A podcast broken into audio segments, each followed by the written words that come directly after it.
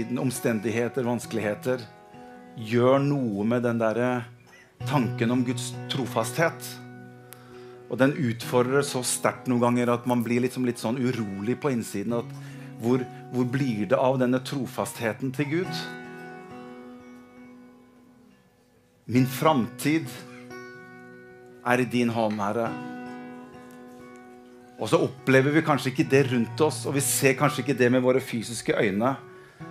Men noen ganger så tror jeg det er viktig at vi greier å løfte blikket. Litt sånn som Paulus sa, at om jeg lever eller dør, så kan jeg få lov til å vite at jeg hører Jesus til. Og han er trofast imot det. Han er trofast imot hva han har gjort for deg og meg på Golgata kors. Han er trofast imot at når jeg har tatt imot han til frelse, og jeg er født på ny, så er han trofast imot at det er ingenting som kan ta meg ut ifra hans hånd. Stor er hans trofasthet. Det finnes ingen situasjon her i verden som kan berøre deg og meg, som kan ta, han, ta deg og meg ut og vekk ifra hans trofasthet. Men han vil alltid være trofast i hva han har gjort for deg og meg. Når Jesus ropte ut på korset 'Det er fullbrakt', så ble alle ting sammenfattet i Jesus Kristus. Og hver den som påkaller Herrens navn, det står at den skal bli frelst. Det finnes ingen som er utelatt ifra Guds trofasthet. Men hver den som sier 'Herre', jeg ønsker at du skal regne meg med i din trofasthet, så sier han du er velkommen, og jeg kommer alltid til å være trofast mot deg. Og den trofastheten, den svikter aldri. Og det er det vi holder oss til, det er det vi klamrer oss til. Det er håpet vårt, det er framtiden vår. Det er at vi alltid skal få lov til å leve sammen med Jesus. Halleluja. Halleluja. I Jesus Kristus er min frelsstyrke. Jeg stoler helt på ham. I Jesus Kristus er min framtid mitt håp. Mitt håp er i hans navn. Vi synger det en gang til. I Jesus Kristus. I Jesus Kristus er min styrke. Jeg stoler helt på ham. Kristus er min framtid. Mitt håp er i hans navn. Takk, Jesus. Jeg takker deg for hver eneste en som er her, Herre. Takk for at det fins framtid, og det fins håp i deg, Jesus Kristus. Og du svikter aldri. Jeg takker deg for det, Jesus. Velsign fortsettelsen av gudstjenesten, Herre. La oss få lov til å fortsette å være i din nærhet. Og tal til oss, her i dag. Det ber jeg deg om, Jesus. I Jesu navn. Og alt folket sa. Amen. Du kan få lov til å sitte ned. Takk til lovsangere og musikere som eh, tar oss med inn i Guds nærhet. Det er alltid fantastisk. Jeg har lyst til, også, jeg, jeg har lyst til å dele litt rundt en sånn enkel tittel på det jeg skal dele med dere i dag, om meningen med livet. Jeg, jeg, jeg gjør det litt enkelt for meg sjøl i dag. Og så har vi en tittel som vi har kalt for 'Meningen med livet'. Det synes jeg er sånn enkelt og greit utgangspunkt. For å gjøre det, for Hvis ikke du har noe annet å snakke om på en søndag, så tar du bare sånn tema 'Meningen med livet'. Det er, for det er så enkelt. Nei da. Du tok den. Det er en spøk, altså. Sånn, ja. Eh, så jeg har lyst til å si litt om dette med, med, med meningen med livet. Og eh, det er jo kanskje noe av de spørsmålene som flest mennesker har spurt seg opp gjennom historien. Om du tror på Gud eller ikke tror på Gud, hvor enn du kommer fra, hvilken tid i historien du har vært født og levd, så er nok dette et av spørsmålene som folk har spurt seg. Hva er meningen med livet? Og Jeg har lyst til å bare ta utgangspunkt i, i Salme 103, en, en salme som, som, David skriver. Og Litt opp imot det som vi har som tema dette året, med at Jesus hele livet. Og det blir, det, blir, det blir, mer og mer klart for meg at livet det går egentlig fryktelig fort. Altså, jeg er snart uh, 52 år. Så jeg, altså, jeg er på vei mot 60. Eh, det er en, stykke, en, stund til det, da, men altså, jeg har runda 50. da. Tor Henry her har runda 50, og det er flere av oss her. Så det er godt det er noen brødre som er sammen med en som har runda, runda 50. men eh, om, om, det har med alderen å gjøre, at man liksom tenker litt mer over det med at livet går fort Det kan nok godt være det. Men her skriver David en salme i Salme 103 så sier han at dagene mennesket får, er som gress. Det blomstrer som blomsten på marken. Og så kommer det noe som David så sier han, når vinden farer over den, er den borte. Stedet den sto på, vet ikke lenger av den. Så fort går på en måte den, det livet som du og jeg fikk her nede på jorden. Og jeg, jeg, jeg, blir mer og mer oppmerksom på Jeg opplever at Herren på en måte jobber mer og mer i mitt liv rundt dette som har med å være gode forvaltere av det livet som vi har fått her nede. Og det er noe av det som jeg har lyst til å dele litt med dere i formiddag. Hvordan forvalter jeg dette livet her nede på jorden? Og når man blir kristen, for alle kan jo spørre seg selv når man, når, generelt sett, hva er meningen med livet. Når man blir kristen, så spør, kommer jo spørsmålet inn ja, hva er Guds plan da, med mitt liv. Er det noen som har tenkt den tanken noen gang? Er det noen som har stilt seg selv det spørsmålet? Eller stilt Gud det spørsmålet? Gud, hva er din plan med mitt liv? Og Jeg har lyst til å prøve å sette litt ting i kontekst her. For jeg tror ikke at Gud ønsker at du og jeg skal gå rundt hele tiden og ikke vite på en måte hva som er Guds plan med vårt liv. Og på noen måte så tror jeg at vi har komplisert og vanskeliggjort noen av disse tingene her. Fordi at vi har gjort det nesten litt som et sånt mysterium som, som du og jeg på en måte må, en måte må finne ut av litt sjøl. Og, og, noen går inn i bønn og faste i 40 dager for kanskje om at skriften på veggen kan komme, og Gud på en eller annen måte kan forklare meg og fortelle meg Gud, fortell meg, hva er din plan med mitt liv? Og man går år ut og år inn i en slags form for sånn utilfredsstilt hva skal si, tanke om at er jeg i Guds plan med mitt liv, eller har jeg kommet inn i det han hadde for meg? Og kanskje med en følelse mest sannsynlig ikke. Og tanken kommer ofte veldig fort hos deg og meg, og vi får en slags form for en sånn avmaktsfølelse ovenfor dette store spørsmålet hva var egentlig Guds plan med mitt liv? Har jeg rota bort livet mitt? Ble det ikke sånn som Gud hadde tenkt det? Er jeg på avveie i forhold til hva Gud hadde for meg? Står han et sted og roper etter meg? 'Martin!'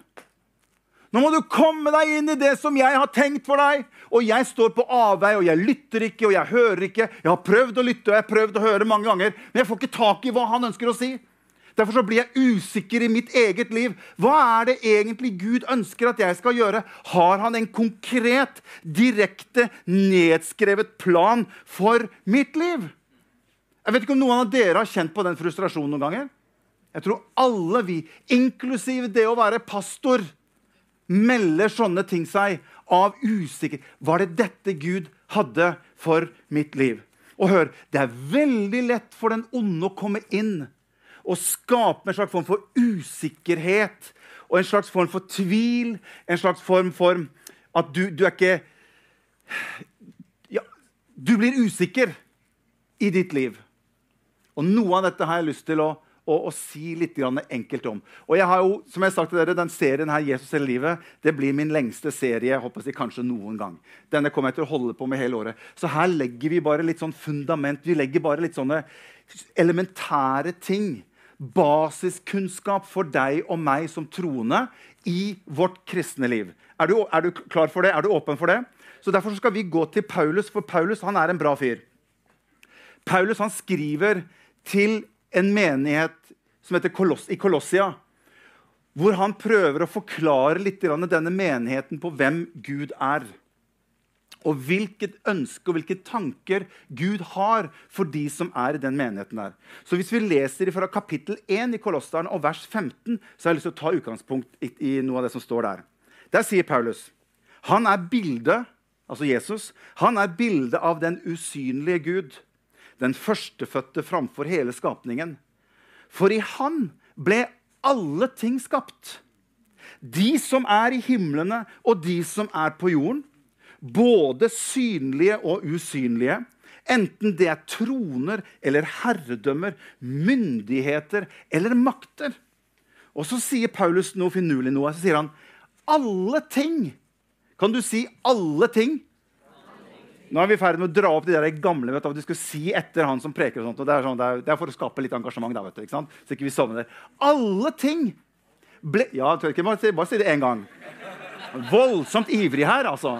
Ja, men det er bra. Ok, Der sier Paulus nå sier han, alle ting ble skapt Så sier han ved ham og for han. Og han er før alle ting og i ham består alle ting. Og han er hodet for kroppen, menigheten. Han som er begynnelsen, den førstefødte av de døde. Og så avslutter han veldig finurlig, så sier Paulus, for at han skal ha overhøyhet, står det i ene oversettelsen som jeg har brukt her. Det ordet betyr egentlig ære. For at han skal ha ære, så står det i alle ting. Så når jeg leser dette, her, så er det noe i denne teksten her, i denne konteksten her som treffer meg. Oppimot hvorfor jeg er her på jorden. Hva meningen er med at jeg eksisterer og er her på jorden. Og Det går ut ifra når Paulus skriver dette, at alle ting ble skapt ved ham og for han. Så Gud han skaper noe for seg sjøl. Ja, kan han gjøre det? Er det sånn at Gud har skapt alle ting for seg? Altså, Nå peker jeg på meg, da, men altså for seg. Ja. Er det sånn? Er det, er det det hele tatt mulig at Gud har skapt alle ting for sin del? Kan han gjøre det? Ja, selvfølgelig kan han gjøre det. Og det er det som jeg mener, det er det som treffer meg i denne teksten. her, Når Paulus sier at han som er fra begynnelsen av, og han som kommer til å være til evig tid, han har skapt alle ting for seg. Det er for hans del at alt som er rundt oss, er skapt. Alle mennesker er jo skapt for hans del. Og det gjør at når jeg leser litt mellom linjene her, som det som Paulus skriver, så setter det litt ting i kontekst. For hvorfor er jeg her? Hvorfor er du her? Jo, vi er her først og fremst for å lære Han å kjenne og gjøre Han kjent. Det er det Paulus snakker om her. Ditt og din og min eksistens handler om at jeg skal lære Han å kjenne og gjøre Han kjent. Det er basic. Det er det fundamentale i ditt og mitt liv. Så hvis du vil vite hva Guds hensikt og Guds plan med deg og meg er Jo, vi er skapt for Han. Og han ønsker at du og jeg skal lære Han å kjenne. Og så ønsker han at vi skal gjøre Han kjent. Men det begynner med at jeg skal lære Han å kjenne. Så det er Guds plan med ditt og mitt liv. Det er at jeg lærer Han å kjenne. Og dette syns jeg er fantastisk. Dette her må du få med deg, for dette setter litt ting i perspektiv. For du og jeg vi har en tendens til at det handler om meg. vet du. Det handler om meg, det handler om mitt, det handler om mitt liv. og det handler om mine drømmer og hva jeg ønsker. Og det handler til og med om Guds plan for meg og hva jeg skal gjennomføre. Og hvilke store vyer og tanker Gud har for mitt liv og hva jeg skal gjøre for Han. Vi må snu hele perspektivet og tenke som det Paulus sier. Alt er skapt for Han. Guds hensikt med meg er for hans del, ikke for min del. Det er ikke sånn at jeg har en hensikt for Gud. Nei, Gud har en hensikt for meg. Ofte så drar vi Gud liksom Gud, jeg tar deg med på dette. Og så å, håper jeg at du greier å, måte, å, å, velsigne og gjøre noe ut av dette. For dette her, det er det jeg drømmer om, Gud. Dette er det jeg lengter etter, Gud. Dette er det jeg ønsker å gjøre, Gud. Gud, bli med, da! Vi må snu på det. Hans hensikt er at jeg skal lære Han å kjenne. Fordi at alle ting er skapt av Han og til Han og for Hans ære. Alt eksisterer for Han. Det begynte ikke med deg og meg. Det begynte med Han. Alt er til på grunn av Jesus. Alt er blitt til ved Han. At jeg kan puste, er bare en gave fra Han til deg og meg. Nå kjenner jeg at jeg er engasjert her. Se hva som står i Romerne kapittel 11, 33. Vi begynner å lande innledningen her. Det er bra. Romerne 11, 33. Der sier Paulus Å, hvilken dybde av rikdom og visdom og kunnskap hos Gud. Hvor uransakelige hans dommer er, og hvor uutgrunnelige hans veier. For hvem har kjent Herren sin? Eller hvem var hans rådgiver? Minner meg litt om Joel når han begynte å argumentere med Gud så sier han at hver gang jeg argumenterer med Gud, så vinner han hver eneste argumentasjon. Uansett hva jeg tenker og føler og kommer med tanker innenfor Gud, så taper jeg hver gang den diskusjonen. Gud bare sier til meg, 'Hvor var du hen når jeg skapte himmel og jord?' 'Hvor var du hen, Morten?' 'Var du i nærheten?' 'Jeg så ikke deg da.' 'Jeg har fått til ganske mye uten deg, faktisk, Morten.' Noen av oss tenker jo at det er jo fantastisk bra at Gud har meg. Så han kan spørre noen til råds. Hvis han har en litt sånn vanskelig situasjon, bare å spørre Gud. Vær frimodig. Frimodigheten har stor lønn, min herre. Hvor var du hen når jeg skapte alle ting, Morten? Og det er det Paulus sier her. Eller hvem var hans rådgiver? Eller hvem har først gitt noe til han, så han skulle få gjengjeld? Nei, for av ham og ved ham og til ham er alle ting. Han være æren i all evighet. Amen. Det er det det dreier seg om. All ære tilhører han i all evighet. Punktum. Eller amen, som det står også i Bibelen. Det er det det dreier seg om. Det dreier seg om han. Og dette her, det er det som er nødt til å være mitt hovedfokus. Nemlig hovedmålet, mitt hovedplanen min her på jorden. Det er å lære han å kjenne. Det er det Paulus sier, at, at jeg må lære han å kjenne, og kraften av hans oppstandelse. Og Det er dette som jeg ønsker å bare få lov til å legge som et fundament når vi er på denne Jesus hele livet, hva skal vi si, reisen. Det er at du og jeg vi må først og fremst lære oss å kjenne Han. Så kan jo de si ok, men det der er jo egentlig bare litt sånn åndelige fraser. Det er sånn greit å si åndelig, men det hjelper meg veldig lite i mitt praktiske liv. Og det kan jeg for så vidt være litt enig i. For du ønsker jo at jeg skal si noe litt sånn konkret. Ikke sant? Vi ønsker alltid å dra på en måte Guds på en måte plan eller Guds liksom, eksistens inn i noe konkret i livene våre. Og vi blir så fokusert på det at vi noen ganger kanskje mister noe av fokuset i livet vårt. For vi ønsker alltid å prøve å gjøre om det som er der oppe, det som har med Gud å gjøre, inn i noe konkret. Ja, men what's in it for me? Og vi, vi, vi, vi si, vi begrenser noen ganger hva, hvordan Gud kan virke i livet vårt, for vi er så opptatt av meg og mitt. Så du kan si ja, dette det er jo bare en sånn åndelig svar på litt sånne spørsmål. Jeg vet jo ikke hvor jeg skal studere, kan du si. Skal jeg studere i Bergen? Eller skal jeg studere i Tromsø? Jeg vet, Er det han jeg skal gifte meg med? Eller er det hun jeg skal gifte meg med? Det er mange spørsmål som kommer inn i livet. Jeg må jo vite fra Gud hva jeg skal gjøre for noe i livet mitt. Det er dette jeg trenger å vite, Morten. OK.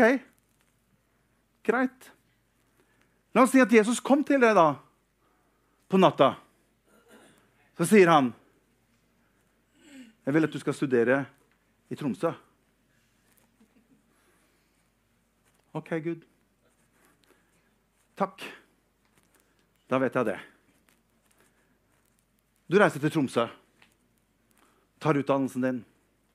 Litt senere så finner du en kjekk jente og en kjekk gutt. og Du gifter deg, får en fin jobb og stifter familie og kanskje til og med får en hund. Og. Populært å få hunder nå for tida. Det er jo overalt.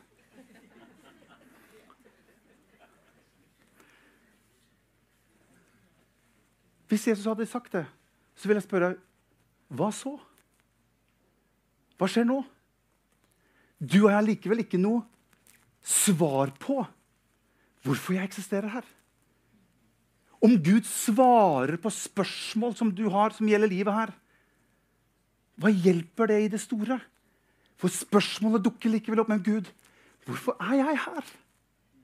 Hva er meningen med min eksistens mens jeg er her?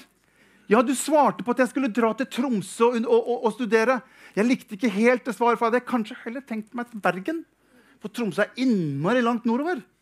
Og vi har jo sunget i gamle dager 'bare ikke nordover', Gud. Og noen ganger så sender han oss dit. Og da skal vi jo lide for Guds skyld. Ikke sant? Så vi drar jo litt sånn åndelige ting inn i det. det er for så vidt greit. Men hva så? Hvis Gud gir deg svar på disse spørsmålene, hva er meningen og hensikten? Jo, hensikten er at jeg skal lære ham å kjenne. Det er hensikten i mitt liv. Å gjøre han kjent til andre mennesker. Det er Guds plan for deg. Det er det han ønsker først og fremst for ditt og mitt liv. Amen.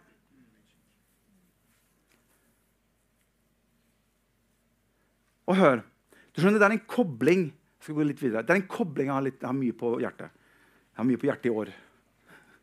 For du skjønner, Det er en kobling mellom disse to. Så jeg snakker om at vi skal lære han å kjenne og gjøre han kjent. Her fins det en kobling mellom de to tingene. For det å lære han å kjenne vil resultere i hvordan jeg gjør han kjent i etterkant. Ser du det? Så disse to de står i relasjon med hverandre. Nettopp dette med å lære, som Paulus sier, at jeg må lære han å kjenne. Og kraften av hans oppstandelse. Det gjør noe med meg når jeg skal gjøre han kjent på utsiden. Og disse to tingene her, de står veldig tett oppimot hverandre. For det er det Paulus slutter med når han skriver helt til slutten at for at han skal ha overhøyhet eller ære i alle ting. Ja, hvordan kan jeg bringe ære i alle ting i mitt liv som en kristen?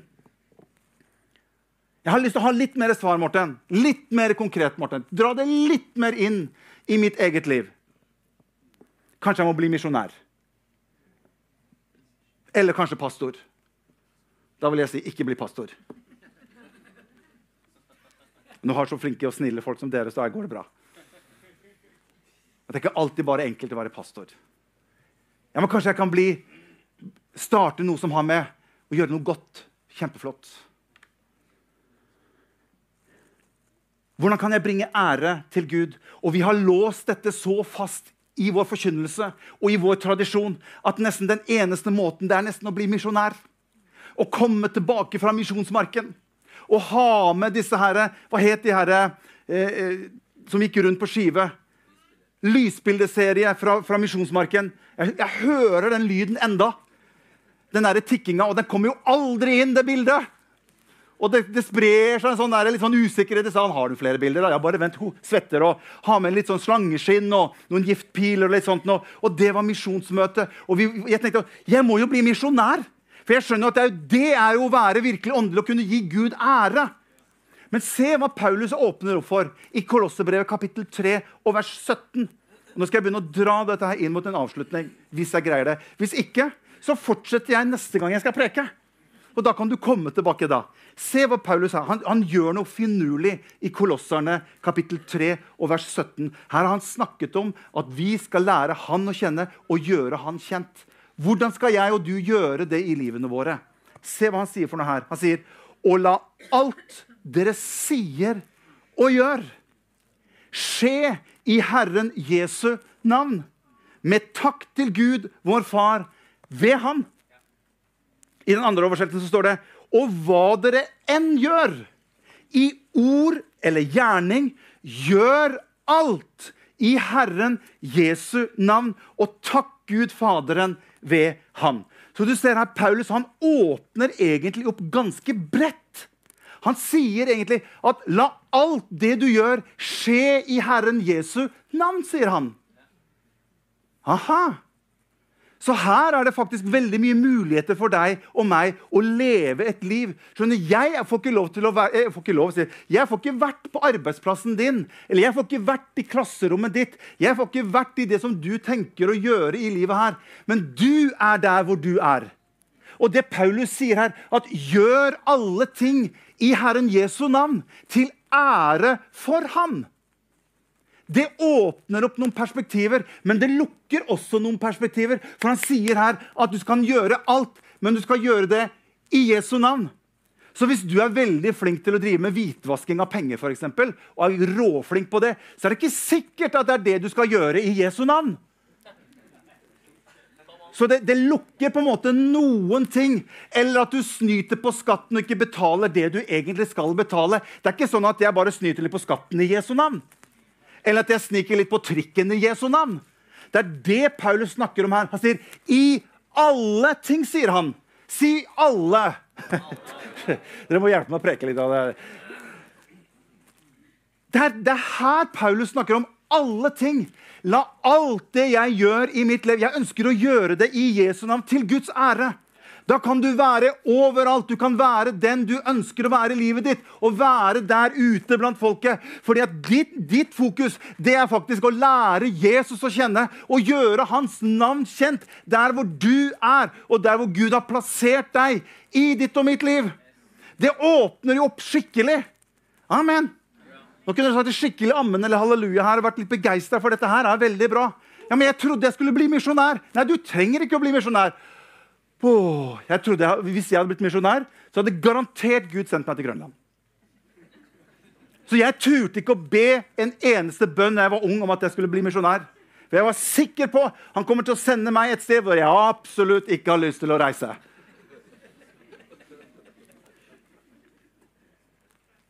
Du kan få lov til å være det, og jeg kommer til å komme inn på dette her litt senere i taler på hvordan Gud har skapt deg og meg, og han har lagt ned i deg og meg som gaver, og hvordan vi kan få lov til, med Guds hjelp, å lære Han å kjenne og bruke det vi har fått i livene våre, for å gjøre Han kjent ute blant mennesker, til Guds ære. Er ikke det fantastisk? Halleluja. Jeg må fortsette, jeg må, jeg må forte meg litt her. Jeg har skrevet her, jeg sa det i stad, det er ikke jeg som har en hensikt med Gud men det er en Gud som har en hensikt med meg. For jeg trodde noen ganger at det, det, at det dreide seg om meg, om mine drømmer, om mine, hva jeg ønsker å gjøre. Du skjønner, Gud har en agenda. Gud har en, en, plan. Gud har en frelsesplan for denne verden som går helt tilbake til Adam og Eva, som har gått opp gjennom hele Det gamle testamentet. Alt er blitt fullendt i Kristus Jesus, og han har hele framtiden også i sin hånd. Hvorfor det? Jo, fordi han er uten tid og rom. Han er i går og i dag og forblir den samme til evig tid. Han har en frelsesplan. Og den frelsesplanen den er slik at det er ikke sånn at han søker deg for et eller annet, men du kan få lov til å bli med i hans plan. Han har en frelsesplan her på denne jorden, og han inviterer deg og meg til å bli en del av allerede det han gjør. Amen. Og det bytter litt perspektiv, for det startet ikke med deg og meg. Det startet for lenge siden. Du er bare et bilde på at du kan få lov til å ta del i noe som Gud allerede er i ferd med å gjøre her på jorden mens vi er her. Det kan du og jeg få lov til å ta del i.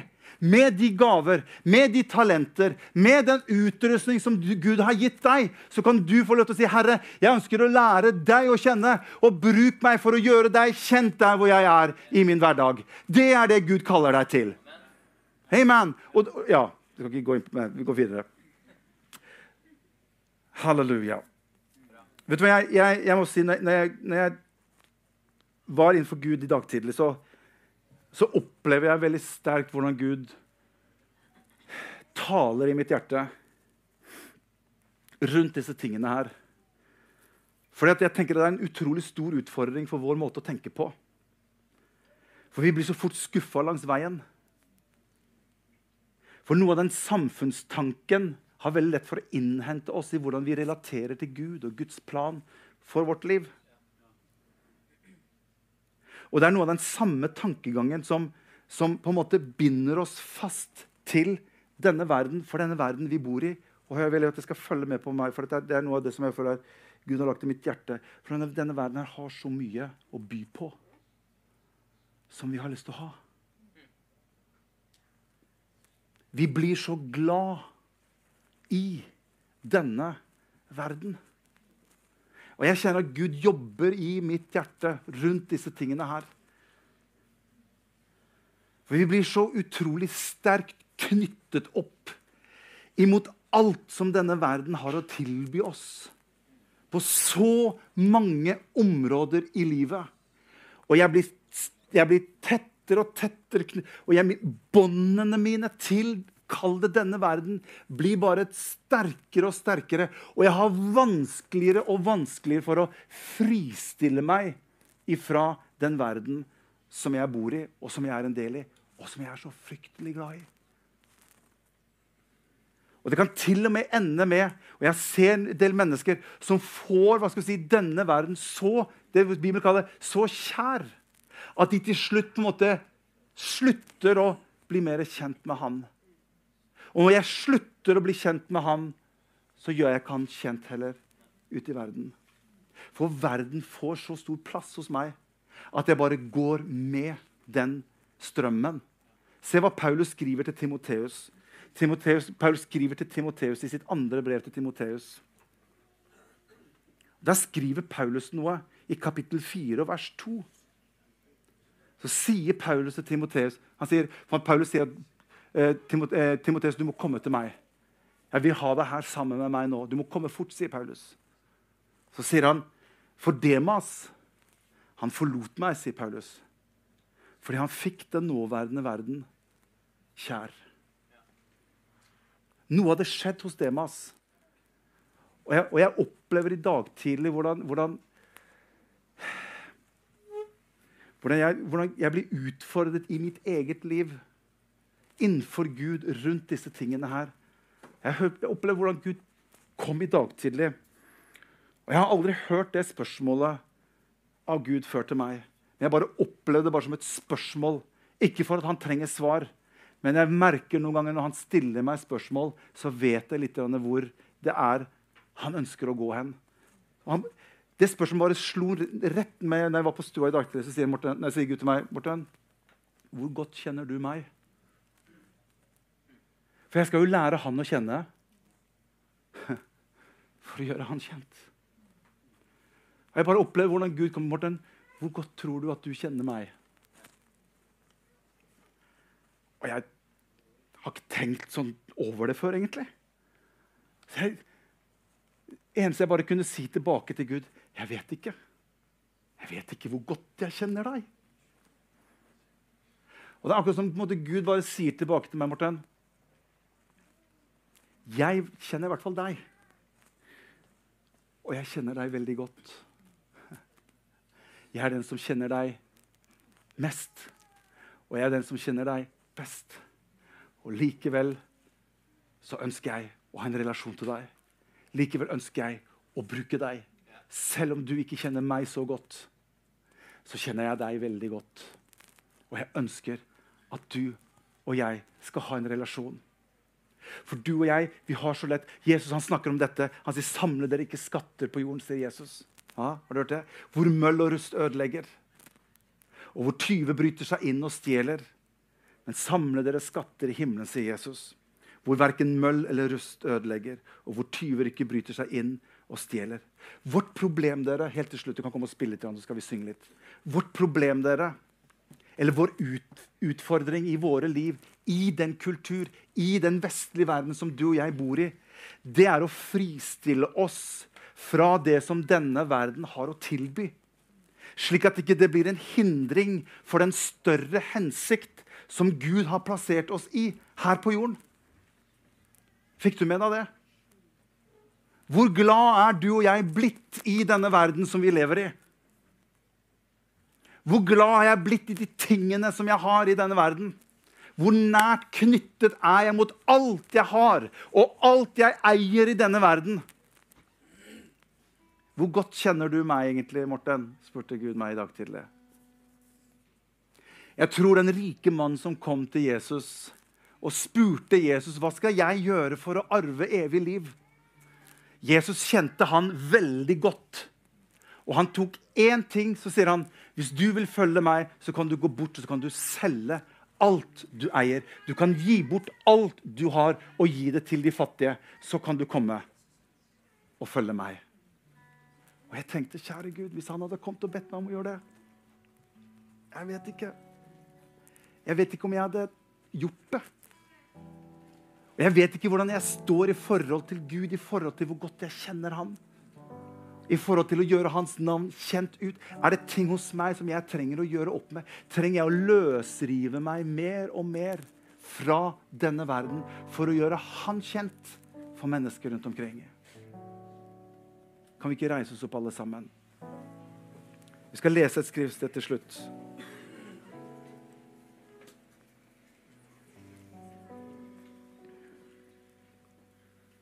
Paulus han skriver til efeserne i kapittel 5 og vers 15. Så sier Paulus, se da til at dere vandrer varsomt, sier han. Ikke som uvise, men som vise. Så dere kjøper den laglige tid. For dagene er onde.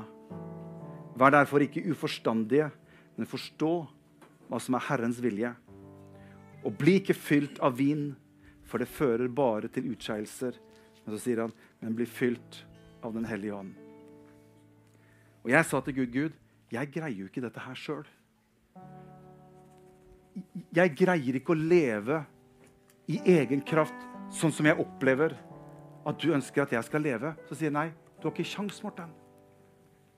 Men min kraft i deg, min ånd i ditt liv, skal være med å hjelpe deg for du og jeg, vi greier ikke å få til dette her i egen kraft. Men hvis vi får lov til å la Den hellige ånd få lov til å slippe til i våre liv, så vil han være kilden i oss til å være med å gjøre hans navn kjent til ære for han i oss, gjennom oss, til andre mennesker.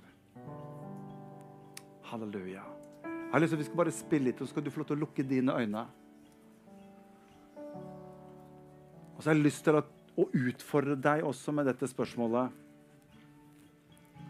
Hvor kjært har du de ting som du har i livet ditt? Hvor sterkt knyttet er du til alle de tingene som du har?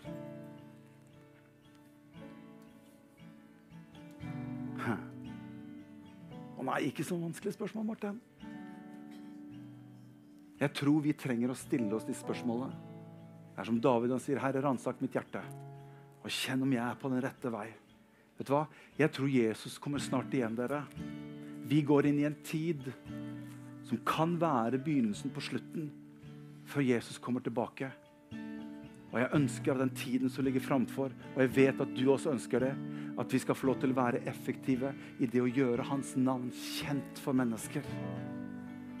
Og du og jeg skal få lov til å lære han enda mer å kjenne bli fylt av Hans ånd i den tiden vi lever i, for å være lys der hvor du og jeg er satt i den verden. Så far, jeg ber for hver eneste en som er her i dag, Herre. Jeg ber om at du skal hjelpe oss til å fristille oss fra ting som hindrer oss i å gå den veien som du ønsker at vi skal gå. Fristille oss fra ting som binder oss fast til denne jorden, Herre, slik at vi kan få lov til å gå og løpe med det kallet om å gjøre ditt navn kjent til mennesker, Herre. Jeg ber for hver eneste en. Jeg ber deg, Helligånd, om at du skal styrke oss. Gi oss visdom og kraft til å være der du har plassert oss, og til å være et vitne for deg, Herre. Det ber jeg deg om. I Jesu navn. Amen. Vi synger litt sammen.